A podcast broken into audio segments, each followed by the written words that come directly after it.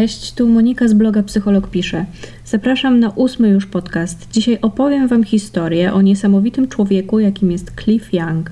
Pamiętajcie, że swoje komentarze i refleksje możecie zostawiać na blogu pod adresem psycholog-pisze.pl łamane na podcast 8.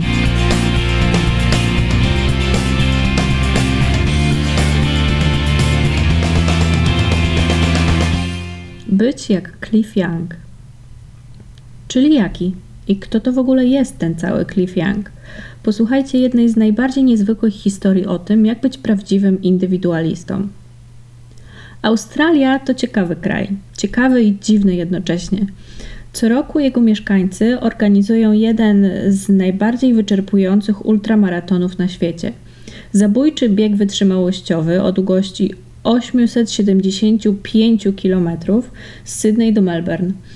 Taka odległość to, ja wiem, z 10 godzin samochodem, a jeśli chodzi o bieganie, to najlepsi potrzebują na to od 6 do 7 dni. Chyba tylko ci, którzy przebiegli dystans maratonu, czyli 42 km, są w stanie przynajmniej częściowo wyobrazić sobie wysiłek i odwagę, jakie są niezbędne do podjęcia tego biegu. O ultramaratonach mówi się, gdy ilość kilometrów do przebiegnięcia wynosi więcej niż 42 km. Najczęściej jest to 50 i 100 km, a trasa z Sydney do Melbourne to aż 21-krotność tego dystansu. Biegacze, którzy biorą udział w tym szaleństwie biegowym, są najczęściej poniżej 30 roku życia, w szczycie swojej formy i latami trenują do tego przedsięwzięcia. Sponsorują ich największe koncerny, które dostarczają im najlepszy sprzęt i wszystko, czego potrzebują.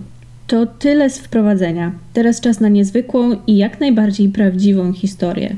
W 1983 roku na starcie wyścigu wśród blisko 150 atletów z całego świata stanął 61-letni mężczyzna w roboczym kombinezonie i gumowych kaloszach. Tak, to był właśnie Cliff Young, który postanowił uzyskać numer startowy i wziąć udział w biegu. Jak łatwo możecie się domyślać, inni zawodnicy myśleli, że to zwykły żart. Mówili: Chyba zwariowałeś, nie ma takiej możliwości, że go przebiegniesz. Ich e, powątpiewanie nie zaszokowało go, bez wahania udzielił zdumiewającej odpowiedzi. Tak, Przebiegnę, powiedział. Wychowałem się na farmie, gdzie nie było nas stać na konie albo traktory i przez całe moje życie, aż do czasu, kiedy cztery lata temu zarobiliśmy w końcu trochę pieniędzy i kupiliśmy traktor, zawsze kiedy przyszły burze, musiałem wychodzić na pole, by zgonić owce. Mieliśmy dwa tysiące arów ziemi i dwa tysiące owiec. Nieraz musiałem za nimi ganiać przez dwa albo trzy dni. Trwało to bardzo długo, ale zawsze je w końcu dorwałem. Myślę, że mogę przebiec ten wyścig. To tylko dwa dni więcej. Pięć dni. Ganiałem za owcami przez trzy. Young uzyskał numer startowy. Wyścig ruszył. Biegacze szybko zostawili w tyle powłóczącego nogami w kaloszach starszego pana. Wszyscy, którzy z wielkim zainteresowaniem śledzili zmagania zawodników, modlili się, by ktoś powstrzymał szalonego Cliffa, bojąc się, że coś mu się stanie lub umrze. Starzy wyjadacze doskonale wiedzieli, że żeby przetrwać ultramaraton, należy spać przez minimum 6 godzin na dobę, a na jego ukończenie potrzeba przynajmniej 6 dni. Należało jak najlepiej regenerować organizm, a resztę czasu poświęcać na bieg. Tak mówiła medycyna i specjaliści od trudnych biegów wytrzymałościowych. Ale Cliff Young o tym nie wiedział. Drugiego dnia Poranne wiadomości podały informację, że Young, mimo iż nadal daleko za czołówką, biegł całą noc, nie śpiąc, prosto do miasta Mittagong. Po dobiegnięciu do Albury zapytano go, jaką ma taktykę na resztę wyścigu. Odpowiedział w swoim stylu, że będzie biegł tak długo, aż dobiegnie do mety. Jakie to oczywiste, prawda? Każdego dnia był coraz bliżej czołówki. W ciągu ostatniej nocy przegonił wszystkich światowej klasy atletów. Ostatniego dnia to on prowadził w wyścigu.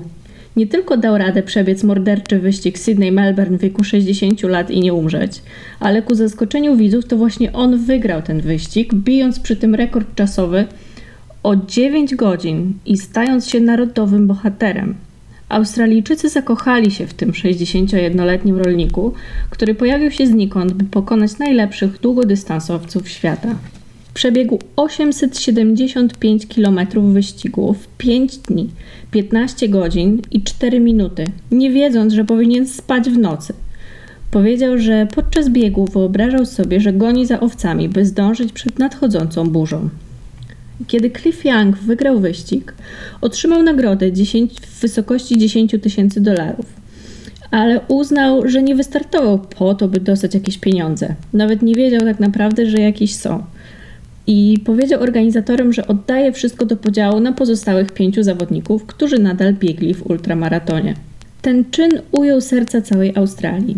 Cliff był skromnym, zwykłym facetem, który podjął się wyjątkowego wyzwania i został narodową sensacją. Jeszcze w tym samym roku stworzono sześciodniowy ultramaraton, który nazwano jego imieniem.